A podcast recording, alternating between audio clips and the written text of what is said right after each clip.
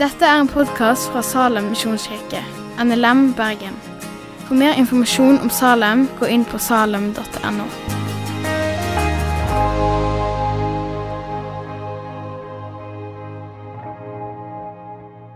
Det handler om Markus, Markusevangeliet i dag. Men det var fristende å si bitte litt om eh, bortgangen til dronning Elisabeth. Det har jo prega de siste dagene. Jeg eh, har blitt sittende og lese og høre litt eh, på en sånn strøm og beskrivelse av henne, hva slags person hun var. Når eh, noen dør, så dras det kanskje litt ekstra på. Eh, liksom eh, når en person skal karakteriseres. Og hun var vel òg en person med både sterke og svake sider. Men hun var et forbilde i sin tro og sin tjeneste. Når hun ble krona til dronning i ung alder, så var det for henne ikke bare en politisk og konstitusjonell begivenhet, men det var en innsettelse til tjeneste for Gud. Eh, det var noe dypere enn en sekulær plikt. Det var et fundamentalt åndelig kall. Og Sånn sett så tenker jeg at hun er et forbilde for oss alle på den plass som vi er tildelt. Um, det ser kanskje smått ut, det som vi holder på med, men det er lov å se på liv og tjeneste som et fundamentalt åndelig kall. Og Vi kan tenke teoretisk rundt dette, men når vi ser hvordan et menneske har levd dette ut i et langt liv i offentligheten, så kan det bli til inspirasjon for oss alle. Men la oss venne oss til dagens eh, emne, tema. Eh, det, dette er jo et kapittel der det er, som dere har hørt, det er jo mange tema og emner som er her. Um, men jeg tenkte å si litt om Jesu identitet. Eh, og Det er òg et kjempedigert emne, så vi får bare duppe tårna så vidt nedi. Men jeg kan si bitte litt først om Markus og Markusevangeliet. Jeg vet ikke hvor mye dere vet om Markus. Ehm, men eh, den teksten som vi kaller for Markusevangeliet, det var i utgangspunktet en tekst som ikke var ehm, Den var uten tittel og forfatter i de eldste manuskriptene. Og det er heller ingen hint i teksten om hvem som har skrevet den. Så er det en biskop som uh, heter Papias, som levde på 100-tallet i Tyrkia. dagens Tyrkia. Han eh, har en gjennomgang av evangelien, og det er han som på en måte sier at det er en som heter Markus, som har skrevet Markusevangeliet. Så det, vi får tro hans på hans ord. Det er ikke noen diskusjon om dette i Oldkirken, det, om, om at det kan være noen andre, men vi vet ikke helt. Eh, Markus, eh, hvis det er han som har skrevet den teksten, så er han nevnt flere ganger i Nytestamentet, i Apostelens gjerninger bl.a.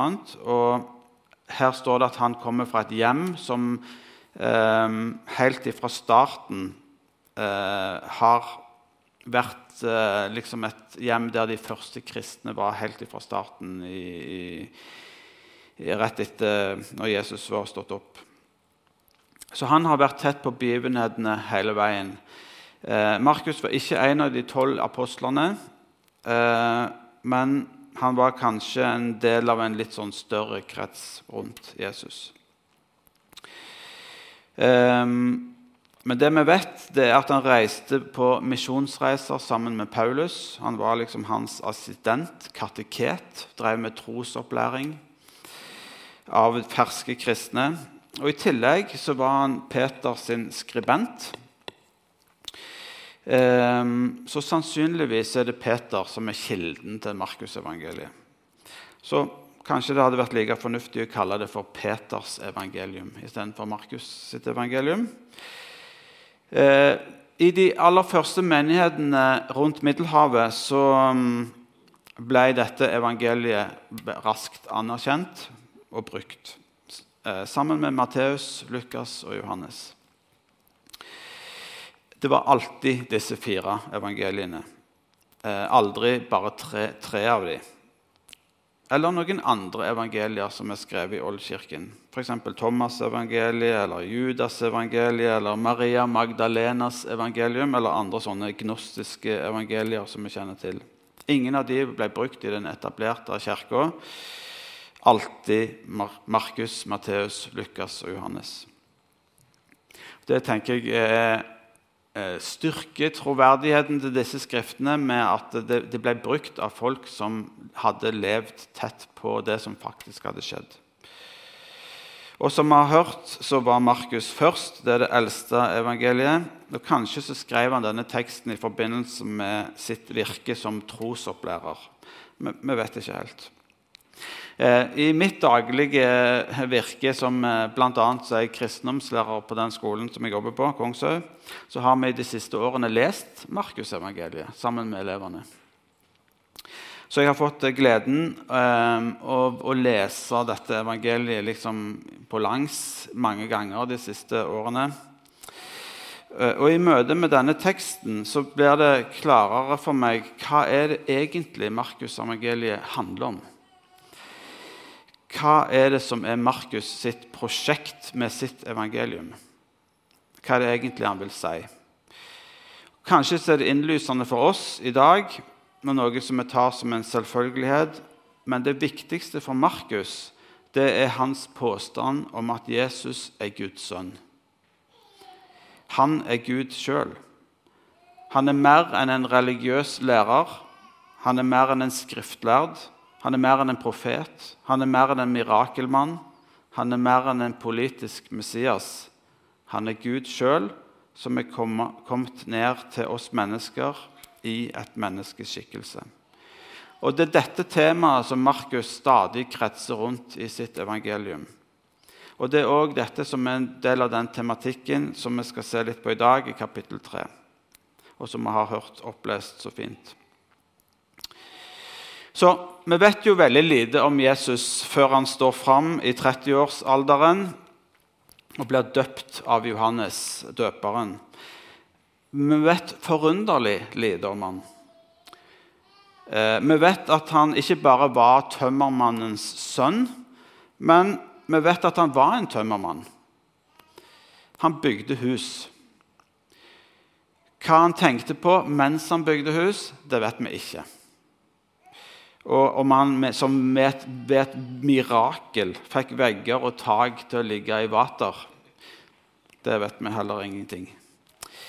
Eh, Markus eh, nevner heller ingenting om denne fødselsfortellingen som vi finner i Matteus og Lukas. Og så er det en enkeltfortelling om Jesus når han er tolvåring i tempelet, som vi finner i Lukas. Eh, utenom dette ingenting. Og Så trer han inn i historien her i Markusevangeliet, og i løpet av en hektisk treårsperiode så snur han verden opp ned. Jeg har fundert litt på dette. Eh, for hvem var det vanskeligst å tro på Jesus? De som traff han ut forbi en støvete landsby i Galilea, eller for oss, som kan lese om han og få han forklart av Den hellige ånd? Jeg vil invitere deg òg til å fundere litt over det. Det vi vet, det er at han møtte mye motstand i sin egen landsby. De som kjente han best, trodde ikke på han. Vi vet at hans egne brødre ikke trodde på han. Ikke før etter oppstandelsen og pinsedag. Jesus hadde en bror som ble leder for menigheten i Jerusalem, som het Jakob, og en annen bror som het Judas. Ehm, de har fått hver sitt brev i Nytestamentet. Eh, disse hadde vokst opp med han og helt sikkert opplevde han som en ekstraordinær storebror.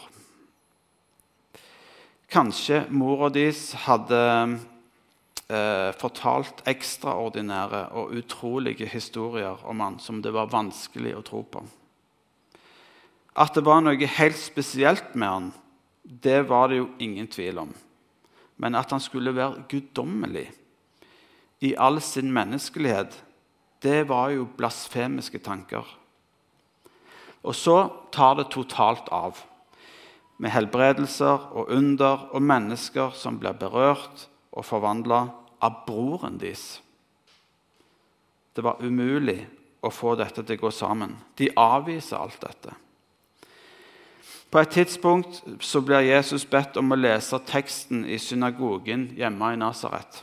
Og han slår opp bokrullen og leser fra en av profetene. Og Når han slår bokrullen sammen, så ser han ut over forsamlingen i den lille synagogen, og han ser ut over naboer, på slekt, på familiemedlemmer, og han ser òg kanskje brødrene sine der. Og så sier han, 'I dag er dette skriftordet blitt oppfylt foran øynene deres.' Jeg er den som profetene skriver om her. Da blir de rasende og vil drepe han. Hvem er det han påstår at han er? Den groveste form for blasfemi. Senere i Markusevangeliet kapittel 6 så finner vi en sånn lignende tekst. Um, og Der står det um, Der er også Jesus i sin hjemby. Han gikk derfra og kom til hjemstedet sitt, og disiplene fulgte ham. Da sabbaten kom, begynte han å undervise i synagogen. Mange som hørte ham, var slått av undring og sa, 'Hvor har han dette fra? Hva er det for en visdom han har fått?' og slike mektige gjerninger som han gjør. Er ikke dette tømmermannen, sønn av Maria og bror til Jakob, Joses, Judas og Simon, og bor ikke søstrene hans her hos oss? Og de ble forarget og avviste ham. Men Jesus sa til dem, en profet blir ikke foraktet noe annet sted enn på hjemstedet sitt, blant sine slektninger og i sitt eget hus. Han kunne ikke gjøre noen mektig gjerning der. Han bare la hendene på noen få syke og helbredet dem. Og han undret seg over vantroen deres. Etter oppstandelsen eh, så forandrer dette seg òg for hans nærmeste. Eh, her er det en tekst fra eh, apostelens gjerninger. og Der står det at eh, da de vendte tilbake til Jerusalem fra den høyden som heter Oljeberget, og ligger nær Jerusalem, bare en sabbatsreise unna. Inne i byen gikk de opp på den salen hvor de pleide å holde til. Det var Peter, Johannes, Jakob, Andreas, Philip, og Thomas, Bartolomeus og Matteus, Jakob, sønn av Alfeus, Simon Seloten og Judas, sønn av Jakob. Alle disse holdt trofast sammen i bønn, sammen med noen kvinner og Maria, Jesu mor, og brødrene hans. Plutselig er de med de har òg møtt den oppstandende Jesus. Eh, I første Korinterbrev snakker også Paulus om dette. Han sier at eh, deretter viste han seg for mer enn 500 søsken på en gang. Av dem lever de fleste ennå, men noen er sovnet inn. Deretter viste han seg for Jakob, deretter for alle apostlene. Aller sist viste han seg for meg. De fleste sånne teologer tenker at dette, Jakob her, det, det, nå snakker vi om bror til Jesus. Hvem var Jesus? Det er dette spørsmålet Markus forsøker å belyse i sitt evangelium. Og Det er òg et spørsmål som mange kjemper med i dag. Det er ingen seriøse historikere i dag som vil hevde at Jesus ikke har levd. Men hvem var han? Det folket som eh, Jesus blir født inn i, praktiserte en knallhard monotisme. Det fins bare én Gud. Du skal ikke ha andre guder enn meg. Dette var ryggmargen og ryggmargsrefleksen til alle jøder. Guds suverenitet, Guds eksklusivitet, det utvalgte folket. Og Riktignok så venta de på en Messias men det var en slags politisk frelseskonge som skulle utfri land og folk. Bringe et fredsrike til Israel. Det var umulig for dem å forstå og forsone seg med hvem Jesus var. Tømmermannens sønn. Hans egne brødre og søstre som gikk iblant dem. Jesus forsto det òg. De kunne ikke forstå. Det var umulig for dem. Uansett hva slags under de så. Jesus bruker sterke bilder om dette. Ehm, han sier at vi kan ikke fylle ny vin på gamle skinnsekker. Da vil sekkene sprekke. Jesus ser fariseerne og de skriftlærde rett i øynene når han snakker om de gamle skinnsekkene. Det er umulig å fylle noe nytt på dem. Det er umulig for dem å tro at tømmermannens sønn kan være guddommelig. Nei, ny vin i nye vinsekker. Men likevel så prøver Jesus. Han prøver, og han lar seg provosere av de, de harde hjertene. Og Her kommer vi rett inn i vår tekst. Og som vi hørte her, Jesus går inn i en synagoge, og i synagogen en mann med en vissen hånd. Og De skriftlærde de er der med sine vaktsomme blikk. Kan det hende at Jesus kunne komme til å gjøre noe som de kan ta han på? Kan det bli en mulighet her? Kunne Jesus la seg friste til å helbrede en person på en sabbat? Det var nemlig en, i en forkvakla forståelse av sabbatsreglene så var ikke det lov. Og Jesus gir dem det de vil ha en helbredelse. Den visne hånden den blir frisk. Fingrene retter seg ut. Muskler og sener spiller igjen på lag med resten av kroppen. Og de skriftlærde de ser det som skjer. De ser en guddommelig inngripen. De ser den helbreda mannens bestyrta uttrykk i ansiktet når hånda hans kan gripe rundt han som står foran ham, Jesus. Er dette nok for de skriftlærde å se hånden som får kraft igjen?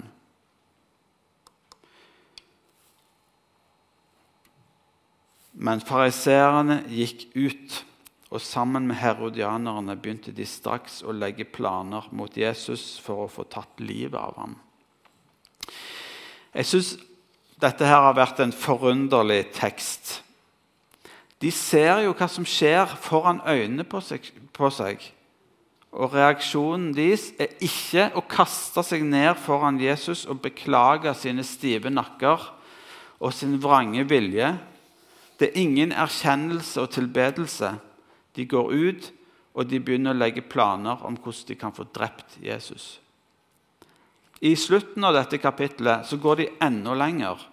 De har ingen flere argumenter igjen. De kan ikke benekte at Jesus har overnaturlige krefter og kraft. Den eneste måten de kan holde Jesus på avstand og bortforklare hvem han er og hva han gjør, det er å påstå at han har fått sine krefter fra djevelen. Så hvem er Jesus, og hva tenker han om seg sjøl? Noen stemmer har hevda at Jesus aldri påsto om seg sjøl at han var guddommelig. Det var noe hans tilhengere påsto etter, etter hans død. At det er en slags kirkelig tradisjon som har guddommeliggjort Jesus. Det er jo f.eks. det som muslimene hevder.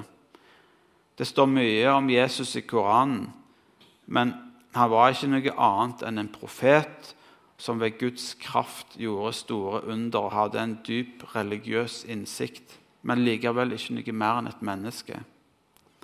Og Det er vel kanskje det de fleste mennesker i dag tenker. De som tar seg tid og anledning til å fundere på hvem Jesus kunne vært. Sånn tenker de fleste mennesker vi møter på våre arbeidsplasser og i våre nabolag. De tenker at Jesus er en slags fremragende radikal etisk lærer som hans tilhenger med litt for velvillig fantasi brukte for å kunne skape en religion som kunne gi de makt og innflytelse over menneskers liv. Jesus var ikke en religiøs leder, profet og Messias-figur som så seg snubla inn i sin egen kult som guddommelig, gjorde han. Han var levende opptatt av dette spørsmålet sjøl. Han spør disiplene sine hvem sier folket at jeg er. Hva er ryktet på bygda? På bygda er folk usikre. Er han døperen Johannes gjenoppstått? Er det Elia som er kommet tilbake? mange kreative forslag. Men dere, sier Jesus til disiplene, hvem sier dere at jeg er? Og denne stadige konfrontasjonen med de skriftlærde på hvem han er eh, De skriftlærde og fariseerne som har omgjort troen og tilliten til Gud til en slags gjerningsreligion, der vi kan skåre religiøse poeng med å holde bud og forskrifter. Denne konflikten om Jesu identitet løper som en undertekst gjennom hele evangeliefortellingen. Um, det fins mange eksempler på disse konfrontasjonene. selvfølgelig. Her er det et par fra Johannesevangeliet. En lengre diskusjon mellom eh, de skriftlærde og Jesus som jeg bare har klippet litt ifra. Her står det eh, Vi har en far, Gud, sier da de skriftlærde. Jesus svarte, Var Gud deres far, da hadde dere elsket meg. For jeg er gått ut fra Gud og kommer fra ham. Jeg er ikke kommet av meg selv men han, men han har sendt meg. Hvorfor skjønner dere ikke det jeg sier, fordi dere ikke tåler å høre mitt ord? Litt seinere Hvem gir du deg ut for å være? spør disse skriftlærde. Jesus svarte, Hvis jeg ærer meg selv, er min ære ingenting verdt. Men det er min far som gir meg ære, han som dere kaller deres Gud. Dere kjenner ham ikke, men jeg kjenner ham. Dersom jeg sa at jeg ikke kjente ham, var jeg en løgner, slik som dere. Men jeg kjenner ham og holder fast på hans ord. Deres far Abraham jublet over å skulle se min dag. Han fikk se den dagen og frydet seg. Du er ennå ikke 50 år og har sett Abraham, sa jødene. Jesus svarte, sannelig, sannelig, jeg sier dere, før Abraham var jeg. Før Abraham var, er jeg. Da tok de opp steiner for å kaste på ham. Men Jesus skjulte seg for dem og forlot tempelplassen. Denne her, eh, eh, diskusjonen om hvem Jesus er, den fortsatte helt fram til eh, rettssaken mot Jesus. Eh, og Det finner vi bl.a. i Markusevangeliet. Eh, da reiste øverstepresten seg eh, steg fram og spurte Jesus. Har du ikke noe å si til det de anklager deg for? Men han tidde og svarte ikke et ord. Igjen spurte øverstepresten. Er du Messias, sønn av den velsignede? Jesus svarte, Jeg er det. Og dere skal se menneskesønnen sitte ved kraftens høyre hånd og komme med himmelens skyer. Da flerret øverstepresten kappen sin og sa.: Hva skal vi nå med vitner? Dere har hørt Guds bespottelsen. Hva mener dere? Alle fant ham skyldig til å dø.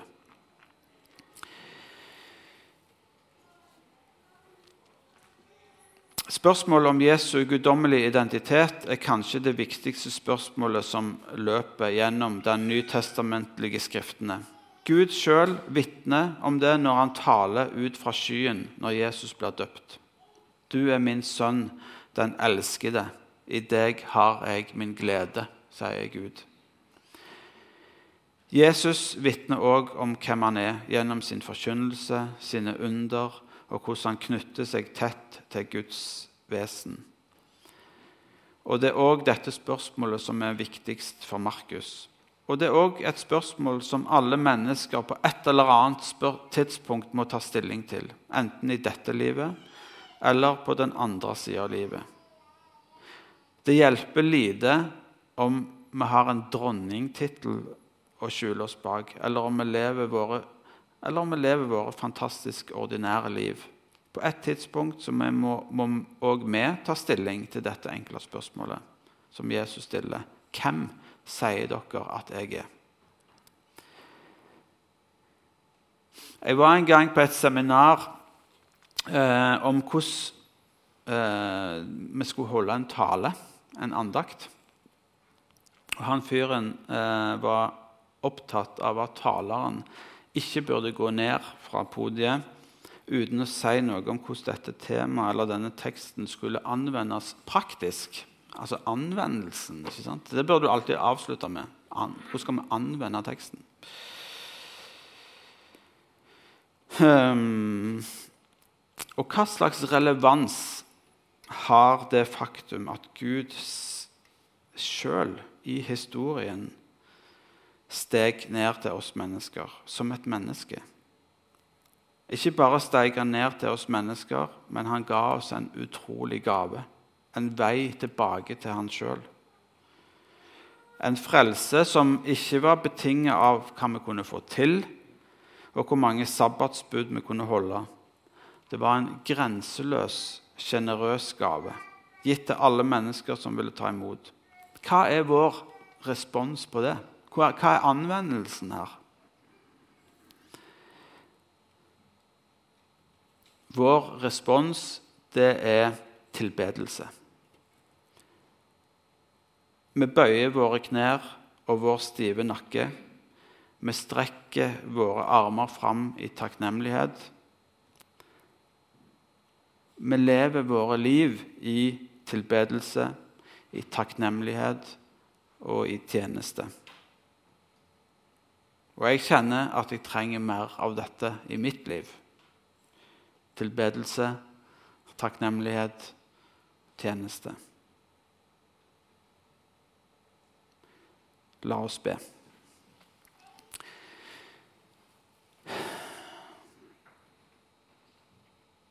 Kjære far, jeg takker deg for at du steig inn i verden, og at du ble et menneske. Og at du ble vår frelser. Jeg takker deg for at vi skal få lov til å legge våre hender i ditt, i ditt Altså, vi skal få legge våre hender våre liv i dine hender, og vi skal få lov til å leve et liv i takknemlighet, i tilbedelse og i tjeneste for deg. Takker deg for alle gode gaver. Jeg ber om at du må være til stede i våre liv med din ånd, med din kraft. La oss få kjenne det, og la oss få erfare det. Amen. Takk for at du har hørt på podkasten fra Salem, Bergen. I Salem vil vi vinne, bevare, utruste og sende, til Guds ære. Vi ønsker å se mennesker finne fellesskap, møte Jesus og bli disippelgjort her i Bergen og i resten av verden. Vil du vite mer om oss, gå inn på salem.no.